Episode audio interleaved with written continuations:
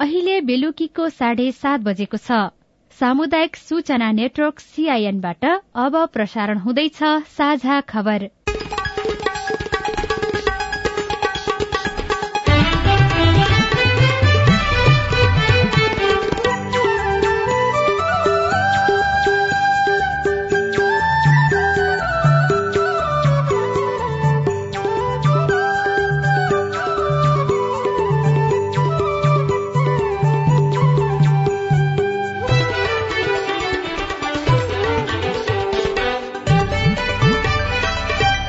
सीआईएनको साझा खबरबाट अविनाश आचार्यको नमस्कार। साझा खबर देशभरिका सामुदायिक रेडियो सीआईएन खबर डट कम सीआईएनको फेसबुक पेज र मोबाइल एप सीआईएनबाट पनि सुन्न सकिन्छ।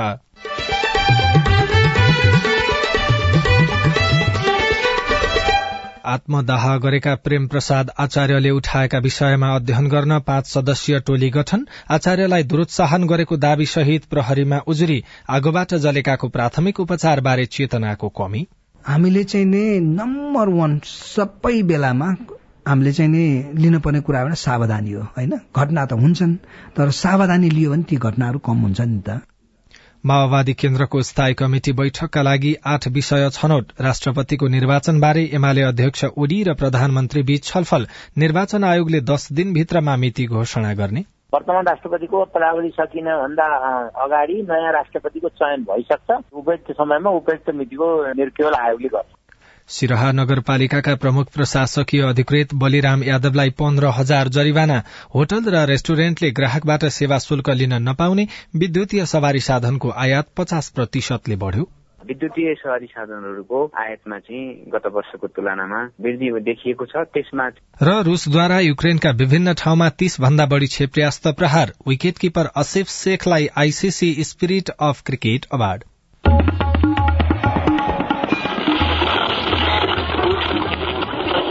सयौं रेडियो। हजारौं रेडियो कर्मी र करोड़ौं नेपालीको माझमा यो हो सामुदायिक सूचना नेटवर्क सीआईएन संघीयता कार्यान्वयनपछि प्रदेशबाट नागरिकलाई धेरै आशा थियो तर जनजीविकामा प्रदेशले कुनै परिवर्तन ल्याएनन् भन्ने गुनासो आइरहेको छ। प्रदेश संरचनाको कारण बत्तीस अर्ब पचासी करोड़ भन्दा बढ़ी वार्षिक खर्च त प्रशासनमै हुने गरेको छ। अब प्रदेशले नागरिकलाई परिवर्तनको महसुस गराउने काम गर्नुपर्दछ। अन्यथा दलहरूको भागभण्डाको लागि मात्र खड़ा गरिएको भनेर प्रदेशको विरोध बढ़दै जाने देखिन्छ। अब खबर सजना तिमल निर्वाचन आयोगले नयाँ राष्ट्रपतिको चुनावको मिति दस दिनभित्रमा घोषणा गर्ने भएको छ। आगामी फागुन उनातिस गते राष्ट्रपति विद्यादेवी भण्डारीको दोस्रो कार्यकाल सकिने भएकाले अबको दस दिनभित्रमा निर्वाचनको मिति घोषणा गर्ने तयारी आयोगको छ। आयोगका प्रवक्ता शालिग्राम शर्मा पौडेलले निर्वाचनको मिति घोषणा गर्ने बारेमा विभिन्न छलफल चलिरहेको सीआईएनसँग बताउनुभयो। तर दस दिनभित्रमा केही आउला कि त्यस्तै देखिन्छ। अब ठ्याक्कै त भन्न सक्दिनँ मैले होइन। वर्तमान राष्ट्रपतिको पदावधि सकिन भन्दा अगाडि नयाँ राष्ट्रपतिको चयन भइसक्छ। उपयुक्त समयमा उपयुक्त मितिको निर्केवल आयोगले गर्छ। केही छलफल गर्नुपर्ने विषयहरू भएको हुनाले अब आयोगले छलफल गर्दैछ। छलफल चाहिँ के विषयमा भइरहेको छ अहिले? होइन अब त्यही त अब कहिले तोक्ने कसरी गर्ने भन्ने कुराहरू छन्। नि त नीति अब तोक्ने विषयमै छलफल हुँदैछ। प्रमुख प्रतिपक्षी नेपाली कांग्रेसले राष्ट्रपतिको समयावधि सकिनु अघि माघ उनातिस गते भित्रै राष्ट्रपतिको निर्वाचनको मिति घोषणा हुनुपर्ने माग गर्दै आएको छ भने चुनावको मिति सार्ने षड्यन्त्र भएको आरोप पनि लगाउँदै आएको छ। आज बसेको नेकपा माओवादी केन्द्रको स्थायी कमिटिको बैठकमा पनि राष्ट्रपति निर्वाचनको बारेमा छलफल भएको छ। बैठकमा प्रधानमन्त्री समेत रहनुभएका पार्टी अध्यक्ष पुष्पकमल दाहाल प्रचण्डले समसामयिक राजनैतिक अवस्थाको बारेमा जानकारी गराउनु भएको नेता लीलामणि पोखरेलले सीआईएनसँग बताउनुभयो। राष्ट्रपतिको बारेमा बाहिर जे आएको छ त्यही कुराहरू हो। सकेसम्म सहमतिको वातावरण जाँदाखेरि काम गर्न सजिलो हुन्छ भन्ने कुराहरू मात्रै हो। एमाले सहमति नभइकन त सहमति बन्दैन नि त फेरि। एमाले सहमति नभएसम्म त राष्ट्रिय सहमति बन्दैन। त्यो हुँदाखेरि हामीले जे सहमति कायम गरेका थियौँ त्यो त्यो त कार्यान्वयन गर्नुपर्ने हुन जान्छ त्यो स्थिति आउँछ। राष्ट्रिय सहमति गर्ने एमाले सेकेन्ड लार्जेस्ट पार्टी सहमति भएन भने कसरी राष्ट्रिय सहमति हुन्छ त? आजको स्थायी कमिटिको बैठकले छलफलका लागि विभिन्न आठवटा एजेण्डा तय गरेको छ। भोलि फेरि बैठक बस्नेछ। नेपाली कांग्रेसले आउँदो आइतबारका लागि बोलाएको केन्द्रीय कार्यसमिति बैठक अनिश्चितकालका लागि स्थगित गरेको छ। कांग्रेसले मंगिर चारमा सम्पन्न निर्वाचनको समीक्षाका लागि बोलाएको केन्द्रीय कार्यसमिति बैठक तेस्रो पटक स्थगित गरेको हो। यसअघि गत पुष बाइस र अठाइस गतेका लागि बोलाइएको बैठक पनि कारण नखुलाई स्थगित गरिएको थियो। कांग्रेस केन्द्रीय कार्यालयका मुख्य सचिव कृष्ण प्रसाद पौडेलले आज विज्ञप्ति जारी गर्दै आउँदो आइतबार माघ पन्ध्र गते बस्ने भनिएको बैठक अर्को सूचना नभएसम्मका लागि स्थगित गरिएको बताउनुभयो। आत्मदाह गरेका इलामका प्रेम प्रसाद आचार्यले सामाजिक सञ्जालमा उठाएका विषयमा छानबिन गर्न गृह मन्त्रालयका सहसचिवको नेतृत्वमा समिति गठन गरिएको छ। आज गृह मन्त्रालयका सहसचिव नारायण प्रसाद रिसालको संयोजकत्वमा छ सदस्यीय छानबिन समिति गठन गरिएको हो। अर्थ मन्त्रालयका उपसचिव उद्योग वाणिज्य तथा आपूर्ति मन्त्रालयका उपसचिव श्रम रोजगार तथा सामाजिक सुरक्षा मन्त्रालयका उपसचिव नेपाल प्रहरीबाट प्रहरी उपरीक्षक र राष्ट्रिय अनुसन्धान विभागका उप अनुसन्धान निर्देशक रहने गरी समिति गठन भएको गृह मन्त्रालयले जनाएको छ। मन्त्रालयका प्रवक्ता फणिन्द्रमणि पोखरेलले सीआईएनसँग कुरा गर्दै आत्मदाहको प्रयास गरेका आचार्यले सामाजिक सञ्जालमा उठाएका सबै विषयमा यथाशीघ्र छानबिन गरी प्रतिवेदन तयार पार्न र त्यस सम्बन्धमा सरकारले के के गर्नुपर्ने हो सुझाव तयार पार्ने गरी समितिलाई कार्यादेश दिइएको जानकारी दिनुभयो। त्यहाँ आएका विषयलाई एउटा समिति गृह मन्त्रालयले बनाउने भनेको छ। छानबिन समिति गठन गरेका छौँ हामीले। हाम्रो सहसचिव नारायण रिसालको संयोजकत्वमा अब त्यसमा नेपाल प्रहरी राष्ट्रिय अनुसन्धान उद्योग मन्त्रालय अर्थ मन्त्रालय श्रम मन्त्रालयको प्रतिनिधि रहने मान्छे रहनेछ अब त्यो समितिले कसरी काम गर्ने र कति समयभित्र प्रतिवेदन बुझाउने भन्ने पनि तोकिएको छ कि? त्यो भनेको छ हामीले अब त्यसमा चाहिँ अब भोलिदेखि नै काम सुरु किनभने अब आज अबेला अबेला निर्णय गरियो अब त्यो ती मन्त्रालयका उपसचिवहरू एक एकजना पठाइदिनु भनेर हामी भन्छौँ। अब भोलिदेखि या नभए पछिदेखि चाहिँ काम सुरु भइहाल्छ। यति समयभित्र भनेर चाहिँ तोकिएको छैन? यथासित भनेको छ यथासित छिटो भन्दा छिटो गर्नु भनेको छ। यसअघि हिजो बसेको मन्त्री परिषदको बैठकले अस्ति दिउँसो आत्मदाह गरेका आचार्यले उठाएका विषयमा छानबिन गर्नको लागि समिति बनाउन गृह मन्त्रालयलाई जिम्मेवारी दिने निर्णय गरेको थियो। अस्ति संसद भवन अगाडि आफैलाई आगो लगाएका आचार्यको उपचारका क्रममा हिजो किर्तिपुर अस्पतालमा मृत्यु भएको हो।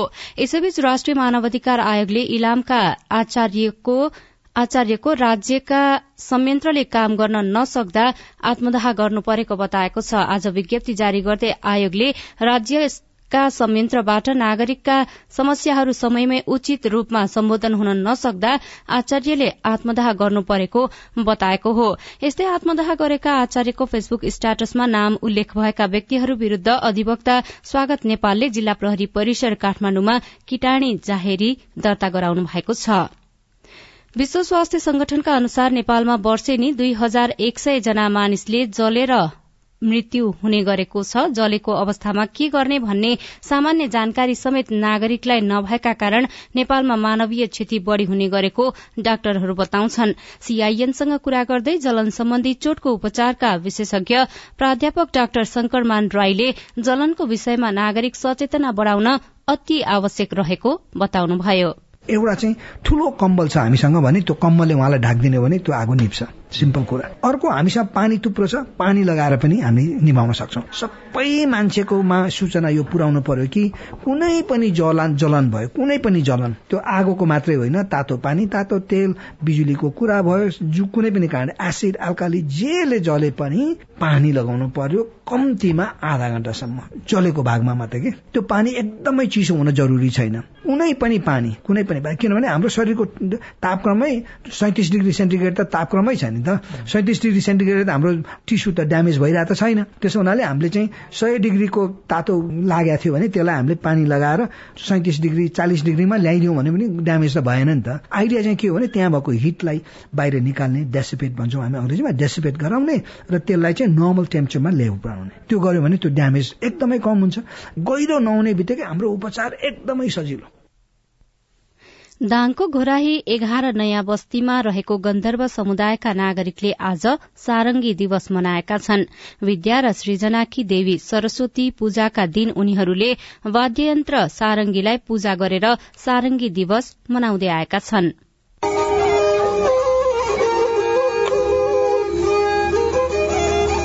संचार तथा सामाजिक सञ्जालको विकास तथा सारङ्गी बजाउने व्यक्तिलाई समाजले हेर्ने दृष्टिकोण सकारात्मक हुन नसक्दा पुर्ख्यौली पेसा संकटमा परेको दुखेसो गन्धर्व समुदायको छ। स्थानीय बालाराम गन्धर्व। जतिखेर मिडियाहरू थिएन त्यतिखेर गन्धर्वको सारङ्गी एकदम गाउँघरले पनि सुनौ सुनौ। अनि ती गन्धर्वहरू आए कति गीत सुन्थ्यौँ होला।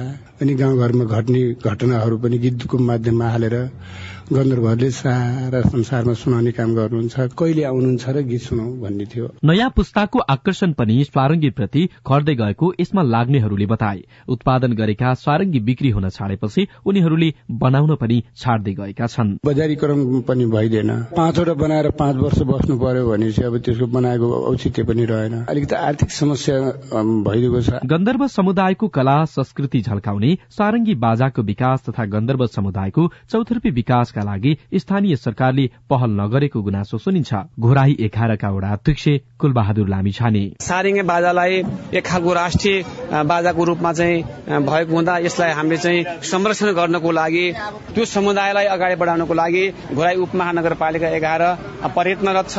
हप्ताका बार महिना र ऋतु अनुसार फरक फरक धुनका साथै गीत गाउने कन्दर्व समुदायले आजको दिनलाई आफ्नो समुदायका लागि नयाँ वर्षका रूपमा मनाउने गरेका छन्।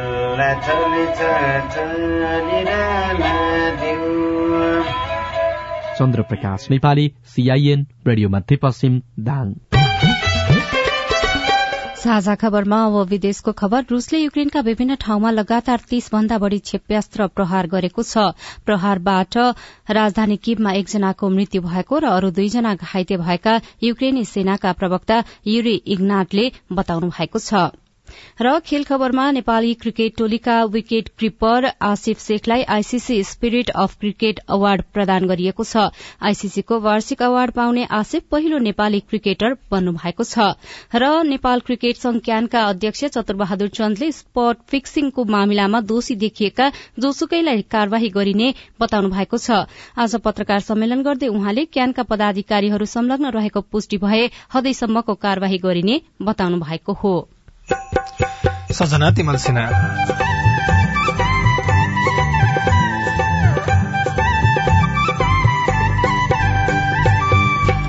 कैलालीका किसान बगर खेतीमा आकर्षित। लौका काँक्रा अनि खरबुजा अनि यो प्याज पनि लगाउँदैछ अहिले अब आफै किनेर रोप्नुपर्छ।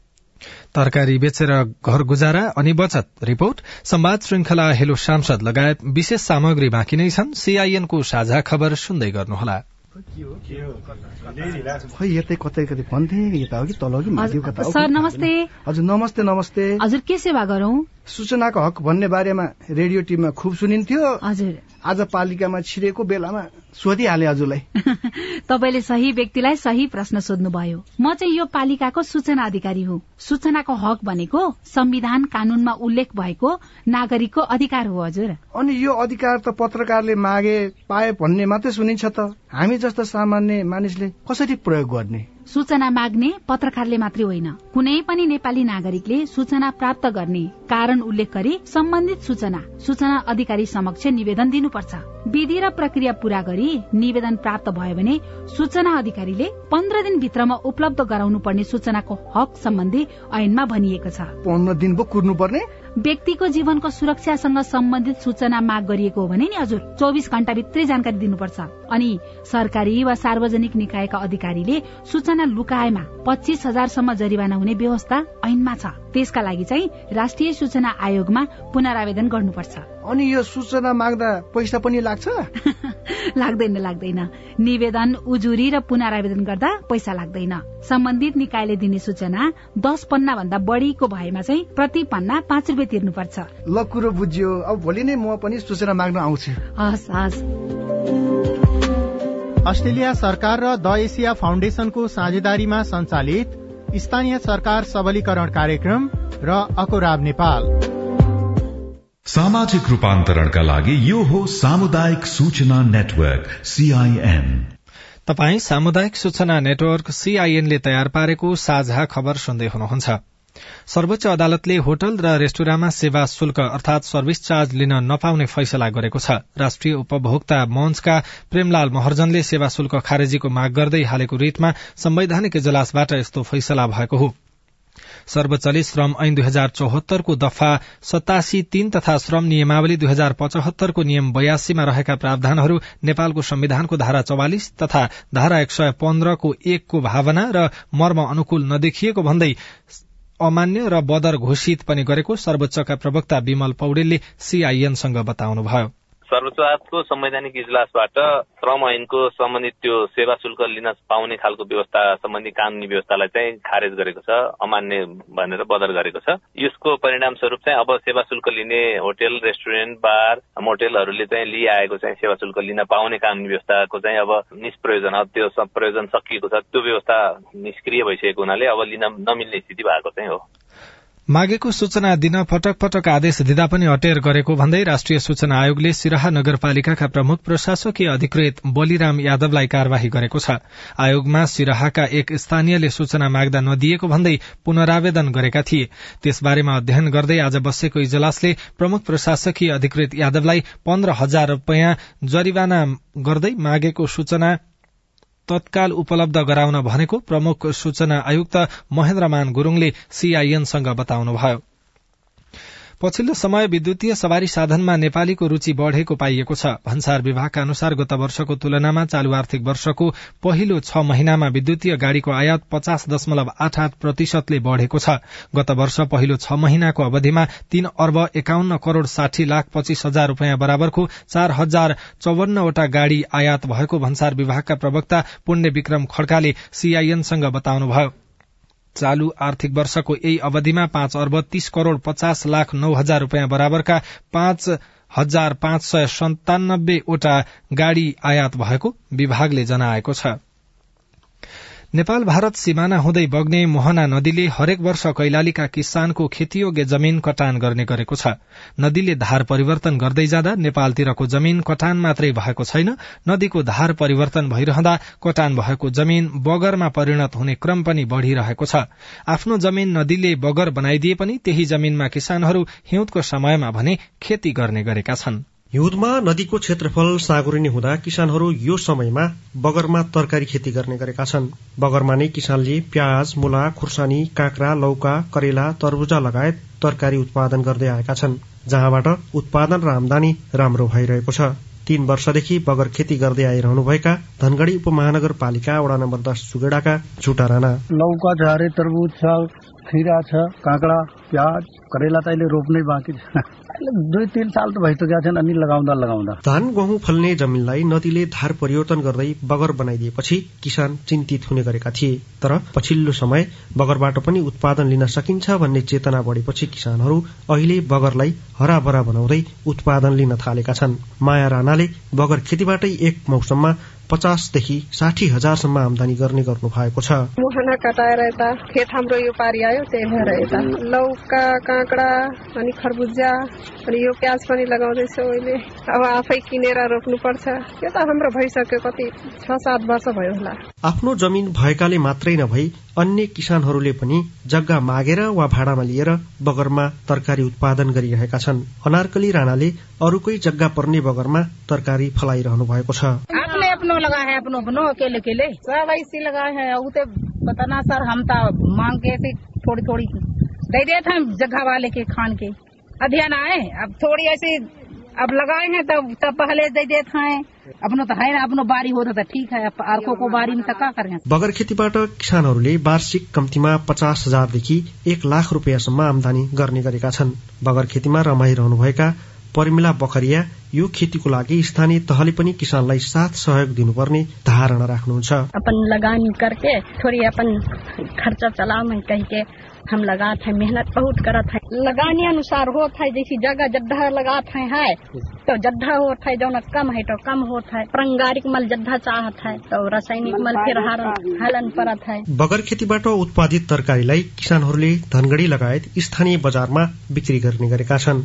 अंकुश कुँवर सीआईएन रेडियो सुदूर सन्देश धनगढ़ी। साझा खबरमा अब प्रस्तुत छ हेलो सीआईएन उषा तामाङबाट। कालीकोट जिल्ला राजकोट नगरपालिकाबाट आकाश तिमिल सेना बोली नगरपालिकाले एक किस्ता भत्ता वितरण गरेको छ सामाजिक सुरक्षा भत्ता भने अर्को किस्ता अझैसम्म दिएको छैन वर्षमा चार किस्ता पाउनु पर्ने हो। फेरि कहिले पाउने हो यो किस्ता? तपाईँको प्रश्न हामीले राजकोट नगरपालिकाका सामाजिक सुरक्षा तथा पञ्जीकरण शाखाका हुकुम शाहीलाई सुनाएका छौं। निकासा प्रक्रियामा छ। पहिला जस्तो एकैचोटि अडिट गर्नु पर्थ्यो लास्टमा आएर अडिट गर्नु पर्थ्यो असार मसान्तमा अहिले हाम्रो प्रत्येक किस्ताको अडिट गर्नुपर्ने भएको हुनाले पहिलो किस्ता हामीले दसैँ अगावै खुवाइसकेका थियौँ। अब दोस्रो किस्ता हाम्रो तिन महिना बितिसकेपछि दिने हो किस्ता। जबको हुनाले अब यो महिनाभित्र हामी सामाजिक सुरक्षा भत्ता खुवाइसक्छौँ मेरो नाम अशोक कुमार यादव।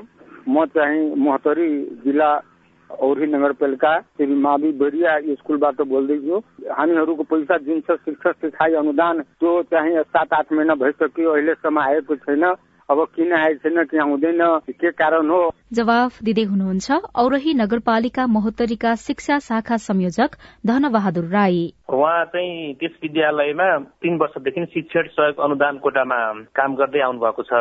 त्यसपालि हाम्रो नगरपालिकामा केही थप अलि बढी पैसा त्यो शिक्षण सहयोग अनुदानको नाममा आएको छ र त्यो बढी पैसा आएको हुनाले केन्द्रले त्यो परिपत्र गरेको छ देशभरिको सबै विद्यालयमा कार्यरत शिक्षण सहयोग अनुदान भन्ने त्यो एउटा शीर्षकमा आउने पैसा चाहिँ हाललाई रुक्का गरिएको छ भन्ने परिपत्र आएको हुनाले त्यही अनुसार हामीले उहाँको निकास दिन नसकेका हौँ र त्यो माथिबाट निर्देशन बित्तिकै हामी उहाँको पैसा चाहिँ तल भत्ता हामी विद्यालयमा पठाइहाल्छौँ।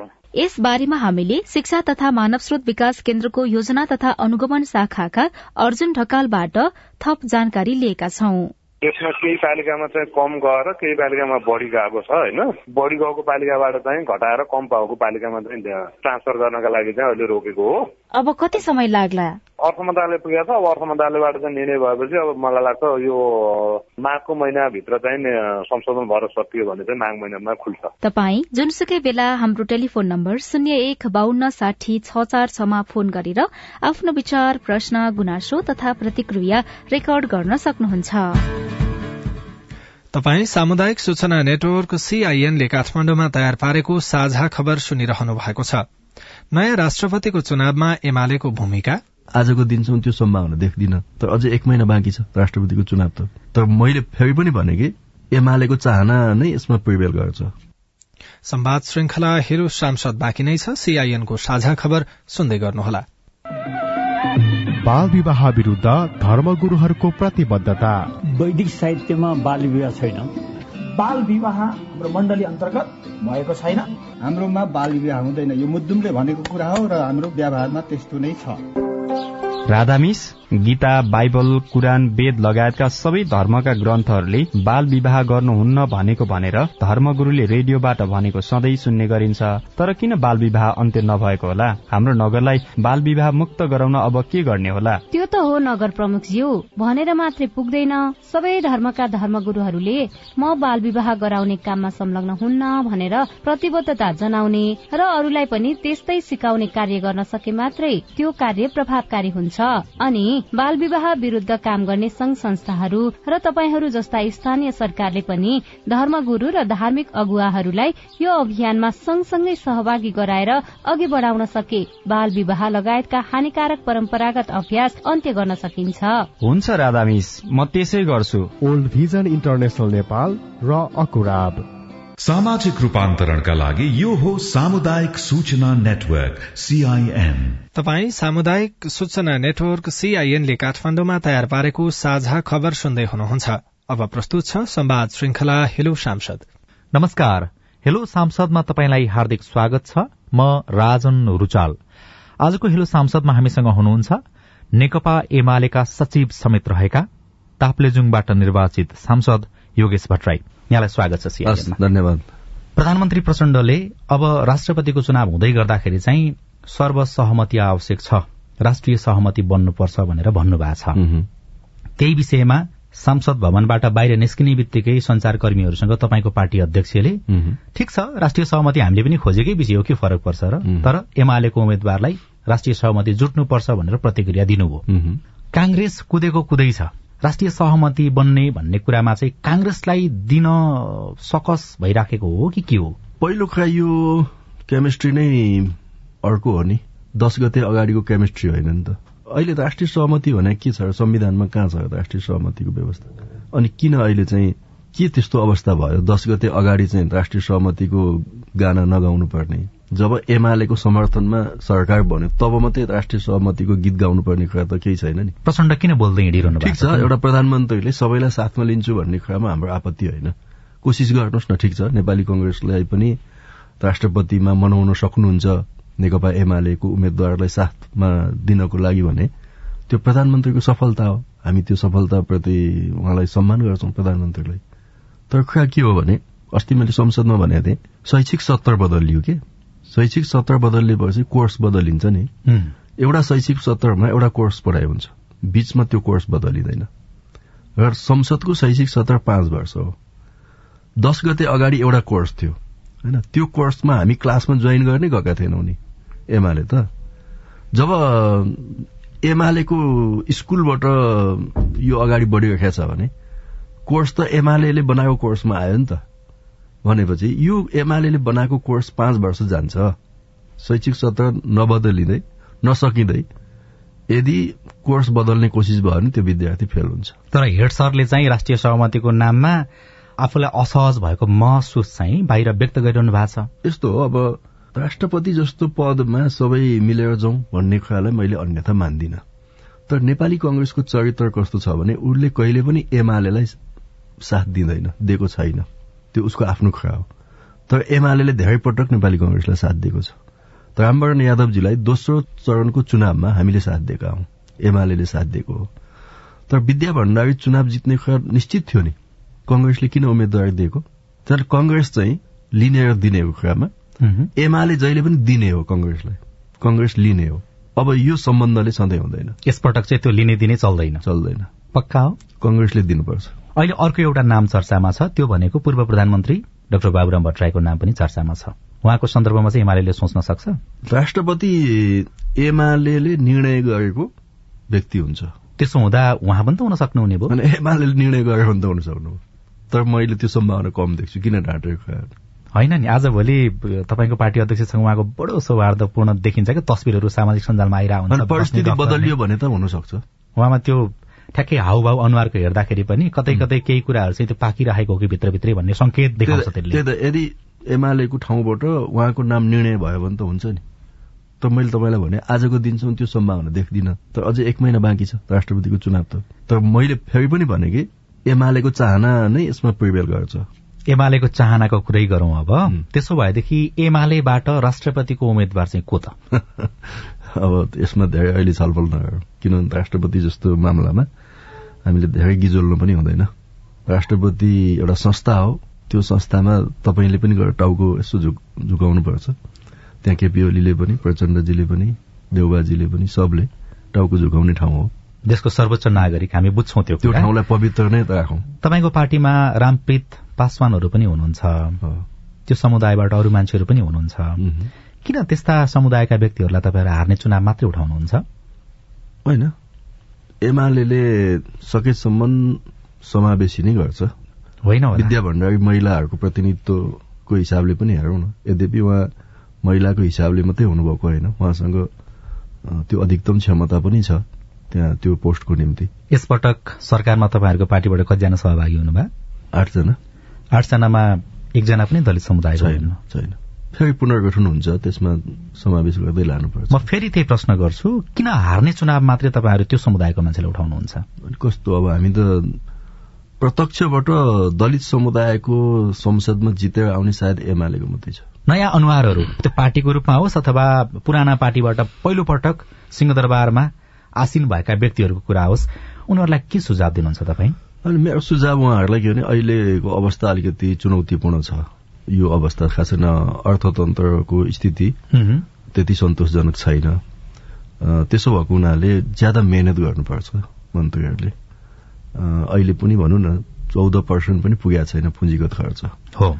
यो छ महिना भइसक्यो। जबकि अहिलेसम्म हामी तीस पर्सेन्टको माथि जानु पर्थ्यो त्यहाँदेखि मन्त्रीहरूले अब आफ्नो मन्त्रालयभित्रको बजेट कार्यान्वयनमा तीव्रता दिनुपर्छ होइन? त्यसको निम्ति प्रशासन कर्मचारी तन्त्रलाई चलाउनु पर्यो। त्यो निर्देशन दिँदै हिँड्नु भएको छ नि मन्त्रीहरू। त्यो चाहिँ तपाईँलाई कस्तो लागिराखेको छ? त्यो पनि कतिपय सन्दर्भमा आवश्यक छ तर त्यो अनावश्यक त्यो पपुलारिटीको निम्ति गर्ने चलन छ नेपालमा होइन? त्यसले पपुलर हुँदैन।